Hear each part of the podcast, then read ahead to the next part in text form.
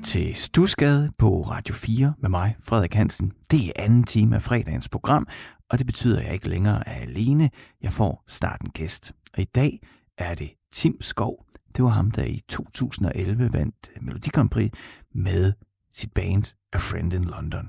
Nu er han efter flere års søgen og ja, nærmest måske sjælevandring klar med sit første rigtige solo debut album. Han er med om lidt til at fortælle om den musik, der formede ham. Og her er Mad Love med Tim Skov.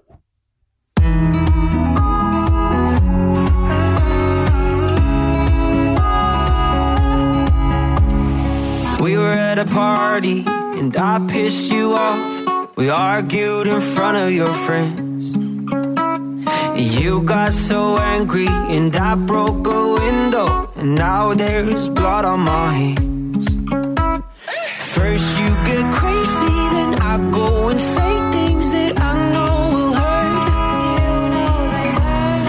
Right now you hate me, but we're still amazing And somehow it works. Forgive me if I'm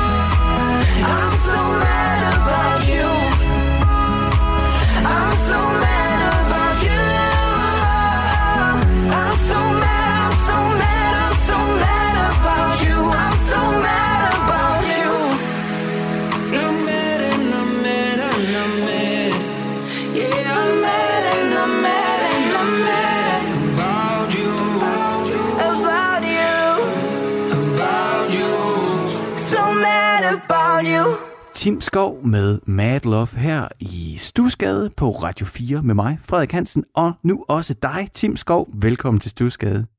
Tak for det, Frederik. Det er jo sådan et program, hvor jeg øh, får lov til at bolde mig i den musik, der har formet mig. Det har jeg gjort i første time. Det gør jeg hver fredag. Og så er det jo så din tur nu, Tim, fordi at øh, den næste lille times tid, den kommer til at handle om den musik, der formede dig. Lidt ud fra en teori om, at det selvfølgelig også har indflydelse på den musik, du selv laver, men jeg tror også nogle gange, at den musik, vi møder på nogle særlige tidspunkter i vores liv, er med til at til en vis grad forme vores personlighed, eller i hvert fald, hvad der sker i vores liv. Men det må vi jo se på. Vil du ikke prøve at, at tage os med tilbage til der, øh, altså til din barndomsmusik? Vil du ikke prøve at tage, hvor, hvor er vi henne af i verden og i tiden, og hvad er det for noget musik, øh, der er i baggrunden? Jo, altså hvis vi skal, hvis vi skal helt der tilbage, så, øh, så vokser jeg jo bare simpelthen op i et, øh, et kerne, kerne hjem øh, med, med kærlighed til, til, til op over ørerne øh, fra min mor og min far øh, nede på Stævns syd for Køge øh, på Sjælland, godt og vel. Øh, og altså der var det, altså jeg kan, jeg kan huske mit aller, aller første øh, møde med musikken egentlig det var en stor, en, øh, sådan, en ghetto blaster, sådan, sådan en rigtig gammeldags, øh, hvad hedder det, øh, kassettebånds radio ting, Og jeg har et billede af, at jeg er en 4-5 år gammel, og jeg står bare med, med øret helt op til højtalerne og øh, lytter til øh, de tre tenorer simpelthen. øhm, og det er åbenbart bare noget, jeg bare har lyttet til hele min barndom, fra jeg var 4 år gammel til, til ja, det ved jeg ikke, til 9-10 år eller sådan noget. Øhm, så det, det var mit første sådan kæmpe fascination. Så gik den over i, øh, i øh, mit første møde med rockstjernen, og det var jo Elvis Presley. Øh, jeg, jeg har aldrig sådan haft, øh, jeg har aldrig haft Beatles i hjemmet. Jeg har aldrig sådan haft den der, hvad kan man sige, den lidt mere, øh, det ved jeg ikke, den lidt mere cool side. Og, og i løbet af sådan min, min efterskoletid, da jeg gik på efterskole i Vestjylland, i, på Vostrup efterskole, der var det også mine kammerater, sådan nogle bandkammerater, sådan de, de hørte, du ved, Radiohead og alt det der, der var sådan lidt mere cool, og de vidste, de kendte alle Beatles-sangene og sådan noget, og jeg kendte bare kun Altså, de tre tenorer, øh, hvad det, Elvis, Elvis Presley og Backstreet Boys øh, og Westlife. Det var ligesom, hvad jeg kunne byde ind med. Men, men, Tim, øh, men Tim, hvorfor tror du, det er sådan? Altså, hvor, hvor fik du musikken fra? Jamen, det var jo, altså musikken først og fremmest kom helt sikkert fra min mor. Øh, vi har ikke på den måde nogen musikalske øh, mennesker i min familie, men min mor har altid sunget øh, godnatsang for mig, lige siden jeg var helt lille. Øh, og hun, øh, hun synger faktisk rigtig fint. Øh, hun har aldrig nogensinde øh, hvad hedder det, formået at gøre karriere ud af det, men hun, har, hun sang i hvert fald ikke falsk. øh, så, så, så der er bare nogle, der er nogle sange der, øh, hvad, hedder, hvad fanden hedder den nu, den der... Øh, øh, Solen er så rød, mor, som hun altid sang for mig. Jeg tror, det, det var sådan, det er sådan, den har jeg haft med mig lige siden barns ben. Øh, jeg skulle, lige til, jeg skulle nemlig lige til at spørge dig, om det var en bestemt sang, og det spørger jeg om, fordi at jeg har sådan taget en bevidst beslutning. Jeg har to børn, Rosa på 11 og Geo på 6, og dem har jeg, altså begge to er de, er nu, ja, altså Rosa, hun gider ikke mere, hun er 11, ikke? så det, det er nogle år siden, jeg har sunget for hende, men en gang imellem kan jeg stadigvæk få lov til at synge øh, for Geo øh, på 6 år der, ikke? Sådan, hvis han lige er i det rigtige humør. Men siden de var, altså blev født, så har jeg hver aften sunget øh, Elefantens vuggevise for dem. Ja, Ja, men jeg tror også, jeg tror også at det, for eksempel Solen er så rød, mor, altså, og det der med at blive sunget for, det har på en eller anden måde gjort, at jeg har, at jeg har øh, brugt musikken som, som et, øh, et øh, tryghedstæppe og en eller, anden, en eller anden form for sådan øh, følelse af omsorg, som jeg har taget med mig helt fra, fra barns ben af der. Øh, og, og vi har faktisk, det er ikke så mange år siden, at jeg øh, inviterede min familie, min mor, min far og min storebror og hans øh, daværende kæreste på, på tur til Los Angeles, hvor jeg har boet i, i seks års tid, øh, on and off. Øhm, og jeg inviterede dem derover, og vi tog til ud i ørkenen, og, og derude, der øh, sad vi i en lille jacuzzi udenfor under stjernehimlen, og så pressede jeg min mor til, eller min storebror og jeg fik hende faktisk til at synge Solen er så rød, mor, for os, selvom hun synes, det var ret pinligt at synge for, øh, for sine 28-årige øh, øh, sønner der, ikke? Altså, øhm, oh, men det lyder, det, det, lyder, det er jo et helt fantastisk billede. Ja. jeg er altid, øh, jeg er nok ikke den eneste, der altid har haft det med den med solen er så rød, og du ved, at den, dengang jeg var barn, jeg var både draget af den sang, men jeg var også en ja. lille bitte smule bange for den. Ja, altså det, det med, at reven er derude, og sådan, det er sådan lidt twitchet, ikke? Ja, præcis. Men jeg tror også netop, at fordi der er det der, der er sådan en lille fare på færre, men samtidig ved man, at man bliver passet på af den, der synger for dig. Ikke? Så, der, så der er virkelig en ekstra sådan, øh, oplevelse af tryghed, øh, når man bliver sunget for, og man, og man ligger og tænker på lidt farlige ting, men man ved bare, at der er en, der tager sig af dig. Ja. Men øh, grunden til, at vi kommer til at tale om det her, det er jo fordi, at du, øh, du er øh, 4-5-6 år gammel, og øh, på øh, Ghetto Blasteren, der, der smækker du kassettebåndet med de tre tenorer. Og så kunne jeg jo selvfølgelig ikke lade med at spørge, hvor kom det fra? Du siger din mor. Så, så din mor har altså simpelthen givet dig et kassettebånd med, med de tre tenorer. Hvorfor tror du, hun gjorde det? Jamen, jamen det har bare, jeg tror det har været noget af det, der bare har ligget i, i samlingen af hendes bånd, og, sådan, og, og det der så, altså, udover de tre tenorer, så har det været øh, altså knald på øh, alt, hvad der hed Danstop, og jeg ved ikke, om du kan huske Jimmy og René. Oh ja. Men, øh, du ved, da de sang uh, stak plads med persille, sovs, kartofler og rødbe. um, altså, så, så det var ligesom, det var sådan, og hver sommer kørte vi, kørte vi rundt på Stævns i, i, øh, i min mors bil og, og sang alle danstop-sange. Så der er igen også sådan noget minde, barndomsminde der, som stoppede ved alle boderne og spiste, købte de friske jordbær og ærter og kø, kø, kørte ind, hver gang man kunne købe en is, så gjorde vi det, og hoppede i vandet, og så videre til den næste lille oase på Stævns. Øhm, det lyder meget idyllisk, Tim, det må jeg jamen, sige. det er sådan helt Morten Kork, jo. Altså. det er meget sjovt med den der Jimmy René sang. Jeg ved ikke, hvornår du sidst har hørt den, men altså versene, de er jo sådan, altså, det er jo noget med, de, de der to drenge, de kommer til, til Spanien eller Mallorca, sådan noget af den stil, og så får de serveret noget mad, som de, det har de ikke lyst til at spise. Jeg kan slet ikke huske versene, jeg kan simpelthen bare kun huske det der afsnit der. Nej, men det er sådan noget med, at de ude, de skal dele med ikke have noget mad fra andre lande, de skal bare have jeg, jeg vil sige, den, den er ikke holdt, den, er, den holder ikke så godt i, i, i, den her, i, i de her tider i dag. Men det er stadigvæk meget sjovt, og jeg husker det også. Jeg husker dem meget tydeligt, de der to brødre. Ja. Men uh, Tim, de tre tenor, og så Elvis, hvor kom det fra? Jamen, øh, ja, hvor fanden ikke? Altså, det, det er jo igen noget, jeg bare er blevet præsenteret for i hjemmet. Øhm, og ja, men altså, øhm, jeg tror bare Elvis Presley, han, det, det, det, det, det der i hvert fald bare øh, gjorde et indtryk på mig, det var jo selvfølgelig bare, at den der fandme voldsked at, at være rockstjerne. Altså, det var mit første møde med, med sådan rockstjerne-følelsen og viben.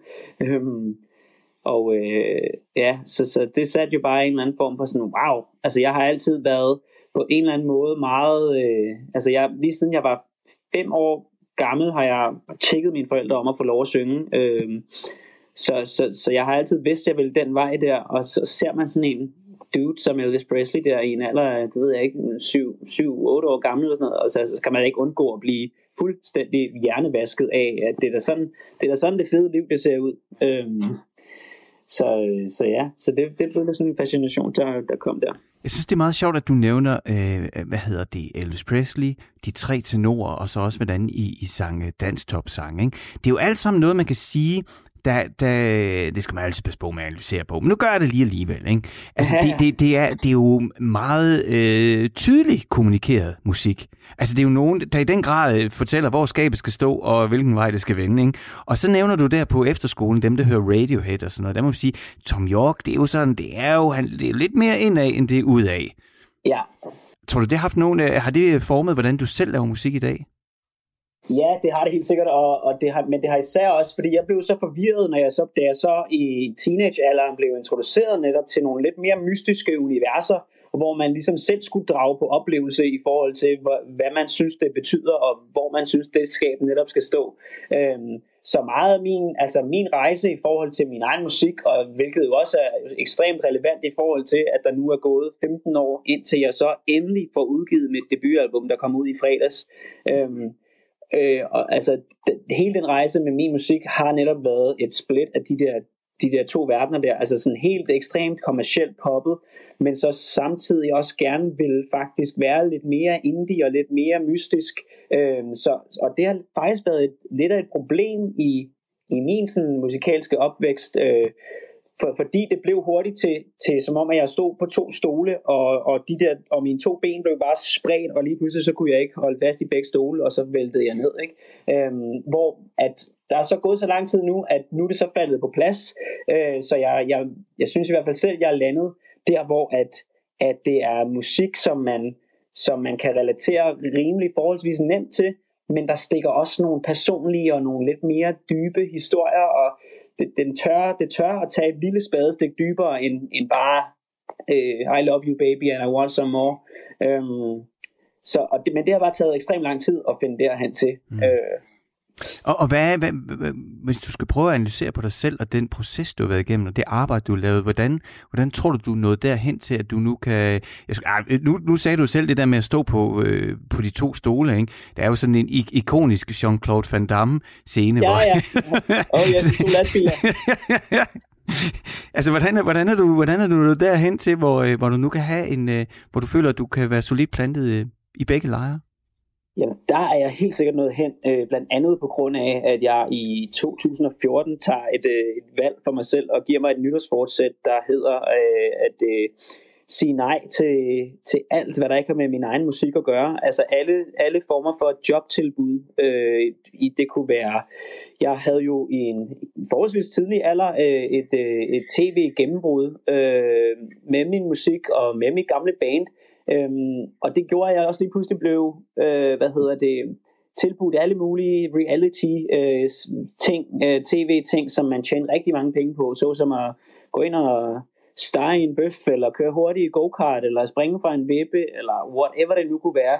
Og de ting var igen kommercielle og sjove og, og krudt i røven, og øh, jeg tror, at min, min unge, unge teenager Tim, han bare var sådan helt sikkert, det er jo også en del af det, og igen vokset op med Elvis Presley, og vokset op med det lidt mere sådan kommercielle, øh, hvad hedder det, værdier, øhm, så jeg har hele tiden tænkt, om det er jo en del af det, men det der så bare skete med de der ting, det var bare, at jeg kunne mærke, at det kom længere og længere væk fra, fra den drøm, jeg egentlig havde sat mig for, som var at skrive min egen musik og leve af den. Hvor at lige pludselig så befandt jeg mig i en, i en verden, hvor at jo, jeg tjente rigtig gode penge, og jo, jeg havde min egen lejlighed, som jeg selv havde betalt for, øhm, midt på Vesterbro, og livet var godt. Øhm, men det tog mig bare væk fra den der teenage-drøm, jeg havde. Øhm, så, så jeg satte mig det her nyhedsfortsæt, som var at sælge min lejlighed og sige nej til alt, hvad der, hvad, altså alle jobs, som jeg egentlig kun sagde ja til på grund af penge, øh, og på grund af at opholde den der livsstil, som jeg så også lige pludselig fik og havde. Øhm, og det gjorde så også, at jeg var nødt til at sælge min lejlighed, fordi så lige pludselig så øh, tjente jeg jo ikke nogen penge, fordi det er jo ingen hemmelighed, at der skal jo satme meget til, før du kan tjene penge på din egen musik. Øhm, og, øh, og det gjorde så, at jeg rejste til Los Angeles og var så der og havde ikke nogen billet hjem og begyndte bare at couchsurfe og begyndte at sove alle mulige mærkelige steder og havde sådan en, jeg vil ikke kalde den selvdestruktiv øh, hvad hedder det, tid, men, men en form for sådan et lille, sådan en lille aftale med mig selv, at nu skulle jeg bryde mig selv så meget ned som overhovedet muligt, for at kunne på en eller anden måde starte forfra. Sådan så den der total forvirring, der er opstået i mig, øh, fra det der helt øh, Elvis Presley og Backstreet Boys liv, øh, til, til, hvad hedder det, Radiohead og Tom York, øh, sådan så, så jeg ligesom kunne endelig finde ud af, hvem er det egentlig, jeg er, øhm, i, i, i modsætning til, hvem er det, jeg er blevet formet til at være af mine omstændigheder. Øh, og, altså, og den øh, analogi, som kører videre på, på alle mulige andre aspekter af livet, også øh, ud over musik. Ikke? Øhm, så det var ligesom det, der... Så levede jeg som syv år, øh, i syv år som, som mere eller mindre øh, vagabond nomade, der bare øh, rejste rundt i hele verden og boede hos fremmede mennesker og sov på gulve i shoppingcentre og alt sådan noget der, og bare kom helt ud af skide, som jeg havde lovet mig selv, til så, at jeg kunne stå en dag og være sådan, okay, nu starter vi. øhm, og så kom der et album. Men det er, altså, det er jo ikke lige alle, der kan gøre det, Tim. Det er jo et, et ret hårdt brud, med, også med maligheden. Altså, den kan jeg da mærke selv. Jeg, jeg, jeg, jeg er 45 år nu, og jeg har brugt 10, øh, 10 år af mit liv, øh, da jeg var fra. Jeg var 18 til jeg var 28, kæmpede jeg alt, hvad jeg kunne for at, at blive rockstjerne, og udgav tre album, som ingen gad lytte til. Øh, og, og altså, nu, altså dengang, der, der ville jeg jo gøre alt, og altså med blodig indsats. 18. Ja. Det er sjovt, du siger 18 til 28, fordi det var lige præcis den alder, som jeg havde, lige fra jeg fik min øh, rockstjernedrøm fra, øh, jeg tror det var en 16-17 års alder, da det ligesom gik op for mig, okay, det er det her, jeg skal. Ringede til min mor og sagde, jeg skal ikke have en uddannelse, jeg skal være rockstjerne. Så var det bare sat fast. Og der kan jeg huske, at, at jeg ligesom bare hele tiden sagde til mig selv, okay, indtil du bliver, du har indtil du bliver 28, eller, eller 27, tror jeg, jeg sagde faktisk.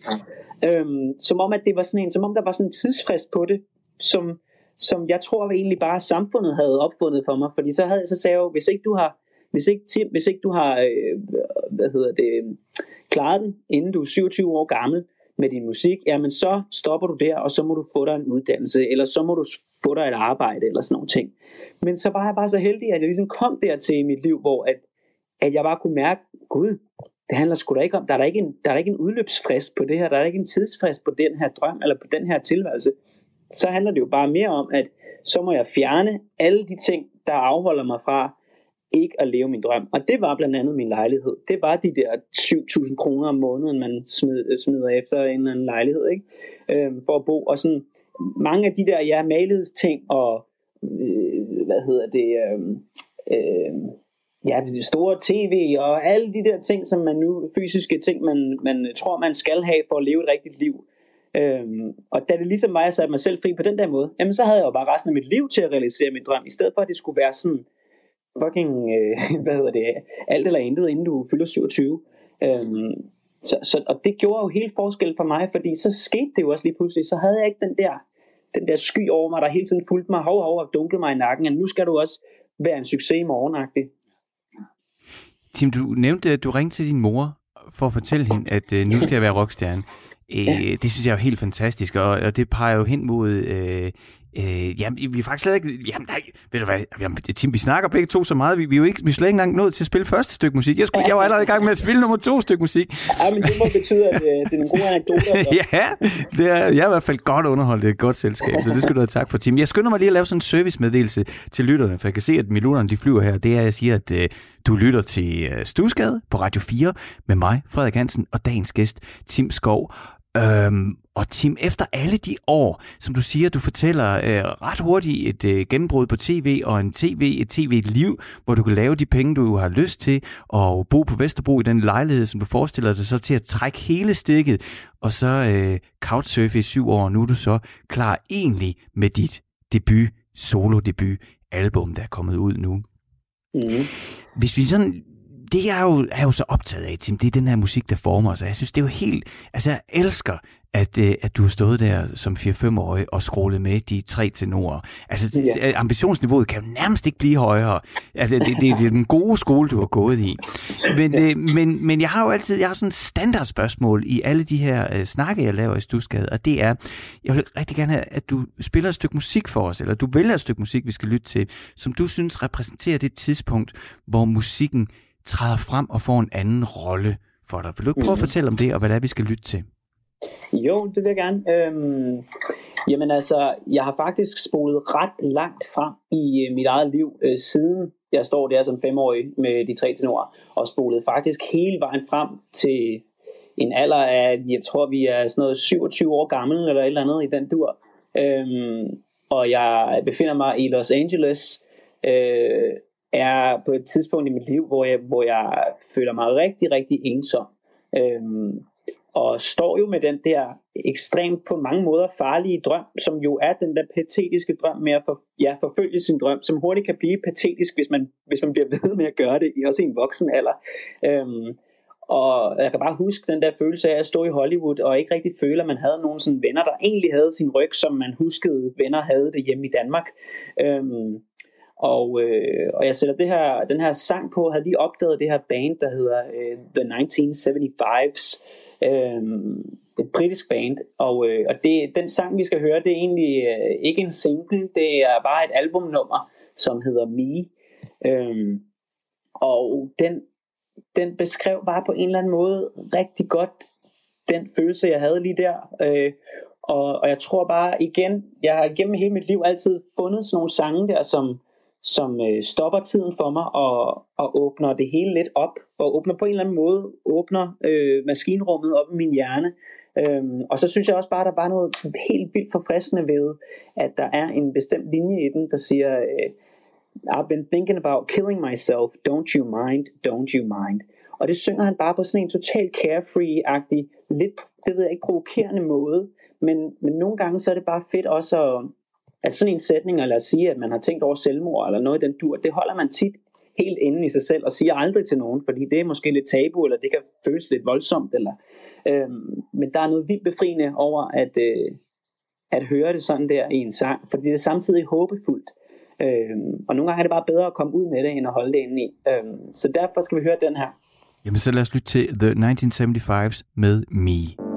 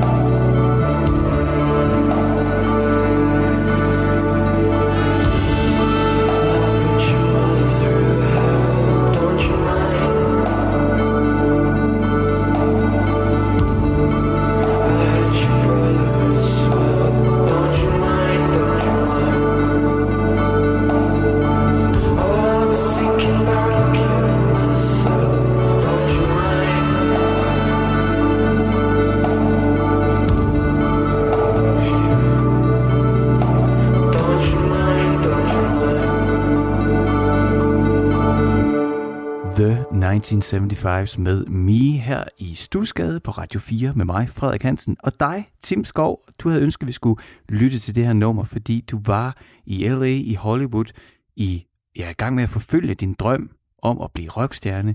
Og, øh, og du svarede selv på et spørgsmål, jeg havde noteret her, nemlig at du, du tager den her beslutning om, at nu sælger du lejligheden, siger nej til alt andet end det, der handler om at opfylde din drøm. Men øh, det, jeg nemlig ville have spurgt dig om, og som du så også sagde, det er, det er jo også et meget ensomt projekt. Det er jo noget, du er alene om. Og, øh, og der har den her sang en særlig betydning. Hvad betyder det for dig at lytte til den sang? Jamen ja, nu har vi lige lyttet til den, og jeg, og jeg kan bare altså, få gåsehud igen. Ikke? Altså, det er en følelse af at blive, blive hørt og blive set af, af noget, som man ikke engang, jamen, altså, man kender jo ikke de her mennesker, jeg har aldrig mødt dem, og, men at der er nogle mennesker, som har skrevet noget musik, som bare passer, dykker helt ned i den melankoli, som, som er der især lige i det moment og, og den tid, jeg gik igennem der. Det der med at føle, at man, at man ikke er alene om noget, øhm, det, det er bare helt fuldstændig magisk. Øhm, ja. Men, men det er jo et soloprojekt, ikke? Altså når man ligesom sælger lejligheden og gør alting selv, at det, det, du, jeg tænker, der har været grund til, at du har følt dig alene. Bestemt, jo jo, altså det, og det kom jo ud af, det kom jo sådan set ud af, at mit daværende band, vi, øh, vi stoppede, øh, hvad var det, har det været i 2013-14 stykker, lige da jeg så efterfølgende sælger min lejlighed øh, i 2014. Og, og det var jo på en eller anden måde, på en symbolsk smuk måde, var det der breakup med mit band. Altså du skal, du skal næsten forestille dig at, at slå op med din yndlingskæreste tre gange på samme tid fordi det var de tre bandkammerater der, som vi havde bare, altså vi havde jo været sammen i 10 år, og havde turneret i Canada, og vi havde været rigtig mange steder sammen, og været sammen hele tiden. Øhm, så, så det var, det var virkelig en hård ting, men samtidig så satte det mig også bare fri, fordi jeg blev tvunget til lige pludselig så at være alene, og være solo. Jeg blev tvunget til selv at skrive mine sange. Jeg blev tvunget til at selv at tage ud og opsøge pladeselskaber og publishing-kontrakter og alle de der ting. Øhm, og, og det var virkelig det, der satte mig fri, og det var virkelig det, der, der satte den der, altså der, der satte hele, der indfriede faktisk hele min drøm, ikke? Altså, havde det ikke været for det, så, så havde jeg sgu nok bare, ja, det ved jeg sgu egentlig ikke, hvad fanden der så. Det, det er jo svært at spå om, men øh, det var i hvert fald, øh, det var i hvert fald et, et skub i den rigtige retning, at være fuldstændig på egen hånd. Øhm. Øh. Jeg sidder i hvert fald med, øh, jeg har enormt meget respekt for den øh, beslutning, og jeg er også øh, imponeret og, øh, og jeg nævnte øh, selv tidligere, at jeg øh, har forsøgt øh, selv at blive rockstjerne og fejlet hårdt. Der var ingen, der gad lytte til det, jeg lavede. Det var ærgerligt. men, øh, men, men det, jeg også kan se, når jeg kigger tilbage på de år, det er også, at jeg tror aldrig, at jeg rigtig tog springet. Altså, jeg tror simpelthen, jeg var for malig. Der var altid lige noget, der skulle, og det var også meget rart lige at spille FIFA på Playstation der, og jeg kunne egentlig også meget godt lide, og, og jeg blev altid ved med at sådan finde på argumenter for, hvorfor jeg ikke rigtig tog springet. Så, øh, altså, mm, men, så, så jeg sidder også med følelsen af, at det, det er... Det, det, det vil nok gjort, Tim. Ja, men det er jo også, og det er også svært at finde ud, altså, den, at finde ud af, hvad er det egentlig, der er det, hvad er den fysiske ting, den fysiske action, som du kan gøre for, at det så er det spring, der man snakker om. For det er nemt nok at skrive ned i sin dagbog, at jeg vil gerne tage et, øh, et skæbnes øh, vigtigt spring i mit liv. Men hvad fanden er det egentlig, det der? Og jeg tror bare, jeg var så fokuseret på, at okay, hvad fuck er det vildeste, du kan finde på? Det må næsten bare være at blive hjemløs. Okay, hvordan kan man gøre det, uden at, det, at du skal dø af det, eller at du skal have det sådan fysisk dårligt, dårligt.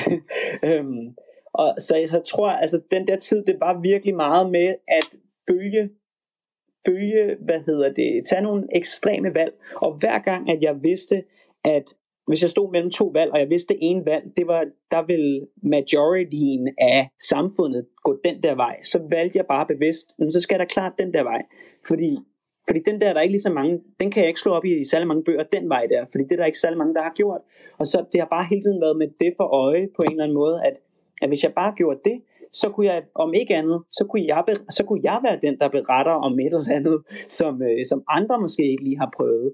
Øhm, så det var for mig også meget som en slags sådan en film, jeg egentlig bare øh, gennemlevede selv, Øh, og, og du ved, så var mine venner, de var, de var nogle andre film, og hvorfor skulle jeg gøre det samme, som mine venner gjorde? Det ville jo bare være som at se den samme film fem gange i streg, ikke? Ja. Øhm, så det har men, været den men, men når, det så, når, det så, når du så har været ensom, og det er svært, altså, hvordan overkommer du tvivlen? Der må jo opstå en tvivl, når man tager så drastiske beslutninger, du gør, og, og, som du gør, og, og, og, og forfølger dem også. Hvordan håndterer du så tvivlen, som jo må komme snigende? Ja, ja, men altså, øh, det, det, det, der, der bliver du bare, øh, du bliver overtroisk, og du bliver, øh, og du, og du, og du bliver ekstremt religiøs, og du, du, du, du bilder dig selv alle mulige ting ind for at komme igennem det der. Og, og for mig har det, det allervigtigste været at have den, den helt blåøjede, naive 15-årige dreng, der får den der drøm og siger, Nå, men til næste år, der er jeg jo, står jeg jo bare på Roskilde, skal vi ikke aftale det? Agtigt, ikke? Øhm, så hele tiden have den der dreng med, der bare drømmer og ikke aner noget om virkeligheden, fordi det er da klart, at i en alder af for eksempel 27 år, så ved jeg jo godt, at chancen for, at jeg kommer igennem det der fucking nåløje, det er jo lige 0, altså minus en milliard. øhm, men hvis jeg bruger min voksne hjerne til det der, så er det klart, at jeg vil give op. Så det har bare hele tiden bare været taget de fucking øh, de, de, øh, de blå briller på, og så bare været så naiv som overhovedet muligt. Øhm, og, så, så brug, og så bruge nedturene som din optur. Altså simpelthen bare vende de der ting til, at okay, altså fordi hver gang jeg fik en nedtur, hver gang jeg blev lovet guld og grønne skov af en eller anden kokainsniftende skaldet mand på The Viber Room på Sunset Boulevard i Los Angeles, så har jeg stået og, og ådt det råt men samtidig godt, min voksne hjerne har godt vidst, okay, sandsynligheden for, at det her det er rigtigt, den er ikke særlig stor, men min 15-årige dreng, han har bare tænkt, fuck man, let's go, øhm, og så, så det har hele tiden været den der balancegang der, og, og, øh, og jeg har hele tiden vidst, at jo flere nedture jeg fik, jamen en, jo tykkere bog kunne jeg skrive, øh, når jeg bliver gammel. Ikke? Altså, er, er, det det, er det det, du har der. fortalt dig selv?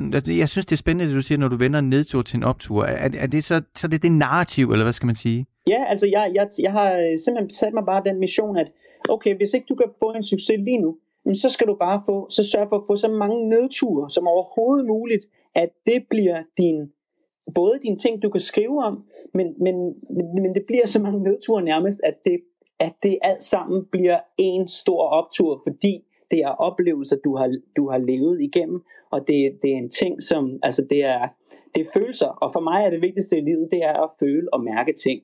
Og, og altså smerte og nedture og sådan noget, det er jo dem, vi mærker allermest nærmest. Så jeg tror bare, jeg har kanaliseret den der med, jamen hey, hov, vent lidt, når du er ked af det, og når du, når du har en nedtur og de der ting, jamen det er faktisk der, du mærker livet aller bedst.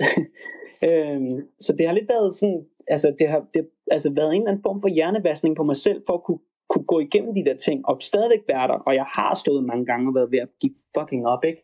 Øhm, jeg tror, det er J.K. Rowling, altså hende, der skrev øh, Harry Potter, en af de rigeste forfattere på planeten lige nu. Jeg, jeg kan ikke huske citatet præcis, men det er sådan noget i stil med The good thing about rock bottom is that it's solid. The good thing about what? The good thing about rock bottom is that it's ja. solid. Ja, lige præcis. Og der er igen sådan en, en super fin symbolik fra, fra mit liv, da jeg for eksempel sov på gulvet øh, i et shoppingcenter i Kalifornien i fire eller fem dage, tror jeg det var. Øhm, der var det igen også, der brugte jeg bare, okay Tim, det kan godt være, du ligger på gulvet nu, men, men var det ikke det, du ville? Var det ikke, du skulle ud og skide så meget, du overhovedet kunne, så, så du kunne bygge dig op, selv op nedefra. Og det var bare, det, det var så symbolisk at ligge på rock bottom, altså ligge helt bogstaveligt talt på gulvet. Fordi så kunne du bare ikke andet end at tænke, jamen der er en vej herfra, det er jo bare opad. Så, så, så, så det er også noget at gøre med sådan at sætte sine egne, sådan, hvad er succes for dig? Jamen lige der, der var succes, at jeg øh, kunne rejse mig fra det gulv der næste morgen, og så tage et sted hen, hvor jeg rent faktisk kunne sove på en sofa i stedet for. Så var det en succes, at jeg kunne komme hen til en sofa. Mm. Altså, og, så, åbnede, så åbnede du også, du åbnede også for snak med ret hurtigt at få, få slået fast, at du voksede op i, i pænt meget idyl, med masser ja, af kærlighed for både mor og far. Ja, ja. Og det er nok også meget godt at have i uh, rygsækken, når man kaster sig oh, ud yes. på gulvet. Det må man sige. Tim, vi skal høre et stykke musik, og det stykke musik, det skal repræsentere der, hvor du ligesom tager beslutningen om, jeg vil være rockstjerne. Kan du ikke prøve at fortælle os om det? Jo, det kan jeg godt. Øh, jamen, vi skal tilbage til min efterskole i øh, 2003, Vostrup, det, det mørke Vestjylland. Og øh, på daværende tidspunkt, der øh, var det min plan at komme til at være en del af begynderholdet for, for guitar. Jeg kom så ikke ind, øh, men besluttede mig selv for at sætte mig på mit værelse og så sætte mine fingre et eller andet sted. Øh, og jeg kan huske, øh, mens alle de andre de var til øh, guitarundervisning, så satte jeg mig ind i den blå sal, som den hed, og øh, satte en øh, live DVD på storskærmen øh, med en gut, der lige var kommet ud med den her DVD faktisk, øh, jeg tror ikke det var mere end et år siden, øh, da jeg satte den på, øh, at de havde spillet den her live-koncert, og det var John Mayer, øh, der spillede live øh, på The Oak Mountain Amphitheater, eller Amphitheater i Birmingham, øh, og og den der koncert sad jeg bare igen som sådan en helt lille gut med blå øjne og bare glåede op stordrømmende øh, på det her. Og jeg kan bare huske, stadigvæk huske det første han siger, da han kommer ind på den scene. Publikum de skriger og huger efter ham. Og der er bare den der vibe af live-lyd og live-koncerter. Og han bare sådan helt casual bare siger, Hi, my name is John, and I'm gonna play you some songs that I wrote with my band. Og så går de bare i gang. Og det var bare den sætning der, det kan jeg bare huske, den, den fulgte mig bare de næste 10 år i mit liv hvor jeg hver gang jeg spillede en koncert, så sagde jeg, sagde jeg noget i samme stil, ikke bare for at føle mig remotely øh, sej som John Mayer. Øhm, ja, så, så det skal vi høre, og det er, det er en sang fra, øh, fra den her live-koncert, der hedder Lenny, øh, skråstreg Man on the Side. Lad os øh, lytte til det nu. Det er jo et længere stykke, men øh, det er alle minutterne værd. Lad os se, om I har det i jer.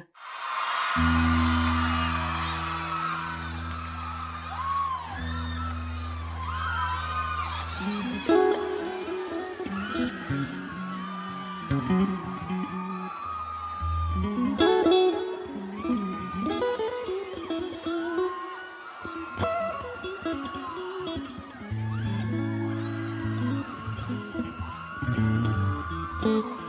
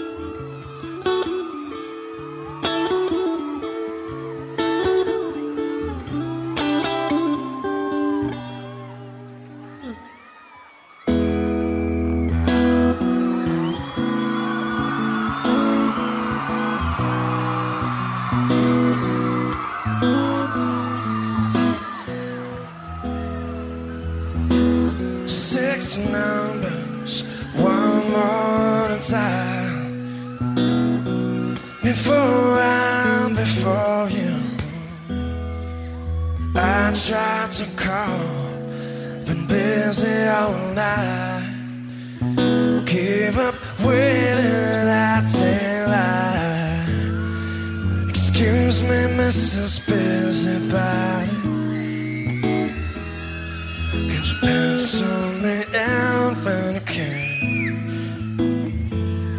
Though we both know that the worst part about it is I would be free when you are.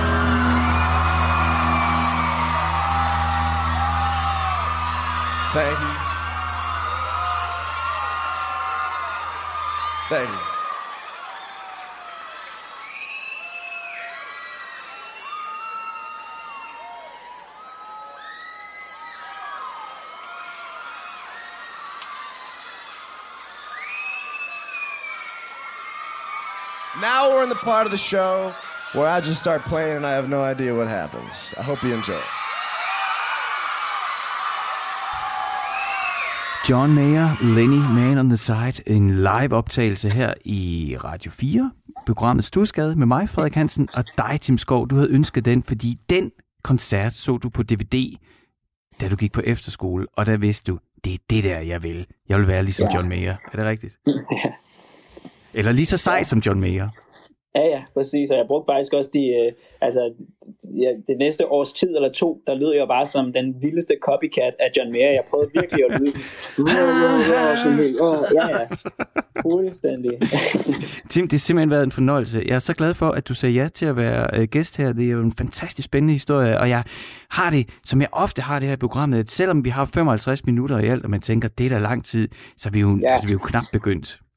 Præcis, og jeg håber, at skud ud i øvrigt også, ikke for at, at bruge tiden på det, men skud ud til, til dig og til, til dem, der rent faktisk laver radio, hvor man rent faktisk kan nå i et ordentligt tempo og komme lidt rundt om noget, der rent faktisk betyder noget. Så tak for det. Jamen, det jeg, selv tak. Jeg, jeg føler mig så heldig og privilegeret, at jeg får lov til at lave det her program.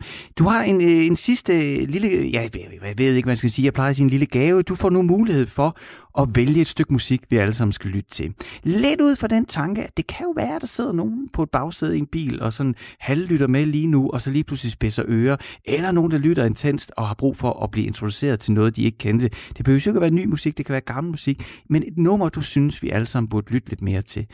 Vil du ikke øh, introducere det for os? Jo, og det, det, det, altså, jeg har valgt det, fordi at det, sådan, øh, som jeg også sagde tidligere i udsendelsen, at, at jeg, har, jeg har gennem hele mit liv altid fundet sådan nogle lidt, lidt øh, uslæbende diamanter, synes jeg selv, som, som, som giver mig noget i, i mit liv, og som, som jeg kan dykke ned i lige i den sådan, stemning, jeg har. Øh, og, og så kommer der nogle gange, hvor man, hvor man tænker, Nå, nu må det også være slut med den gode musik. Altså nu, må det være, nu kan der ikke være mere derude, der, der overrasker mig, eller der, der giver mig den der følelse af, af at, at tiden stopper.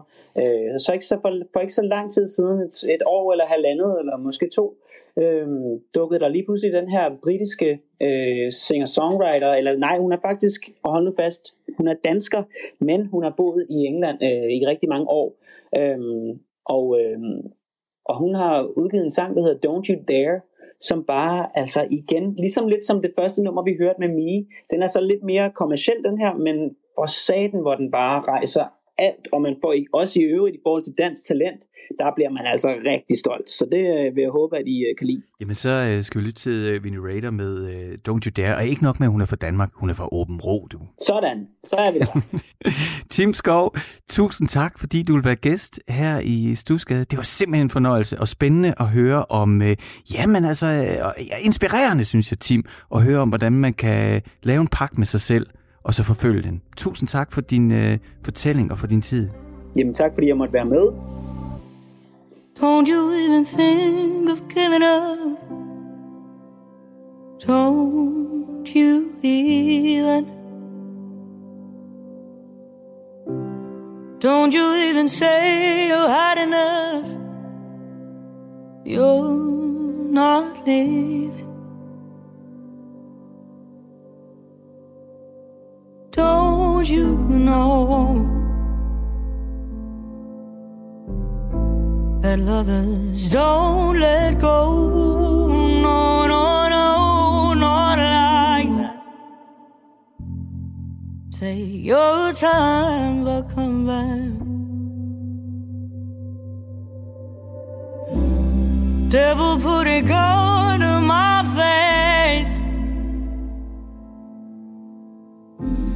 Flip the tables when I'm leaning. Devil take it all with no shame. Let me lay till I'm done bleeding. You can take it all, but don't you dare take her. Don't tell me that you lost it, but you don't know how. Cause you don't mean it. Mm. Don't tell me that you used to hurt, but now you're fine. Cause you still need me. And don't you know that lovers don't let go. No, no, no, not like that. Take your time, but come back. Devil put a gun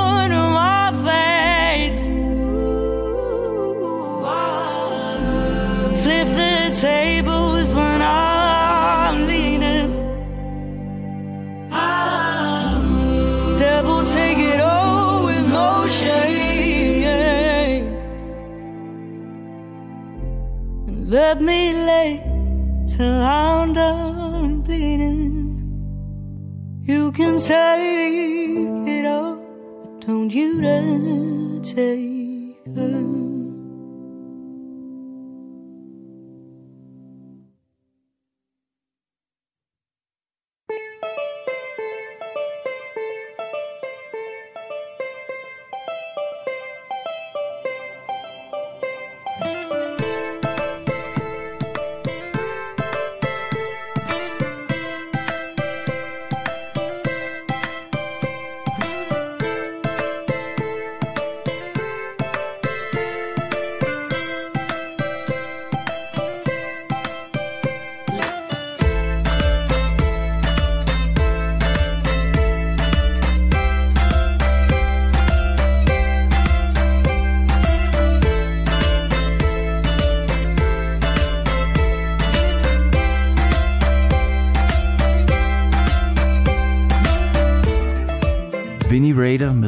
med You Dare, ønsket af dagens gæst i Stusgade, Tim Skov. Stusgade er ved at være slut. Jeg er tilbage igen næste fredag 5 minutter over 5 med mere Stusgade. Nu er det tid til nyhederne her på Radio 4.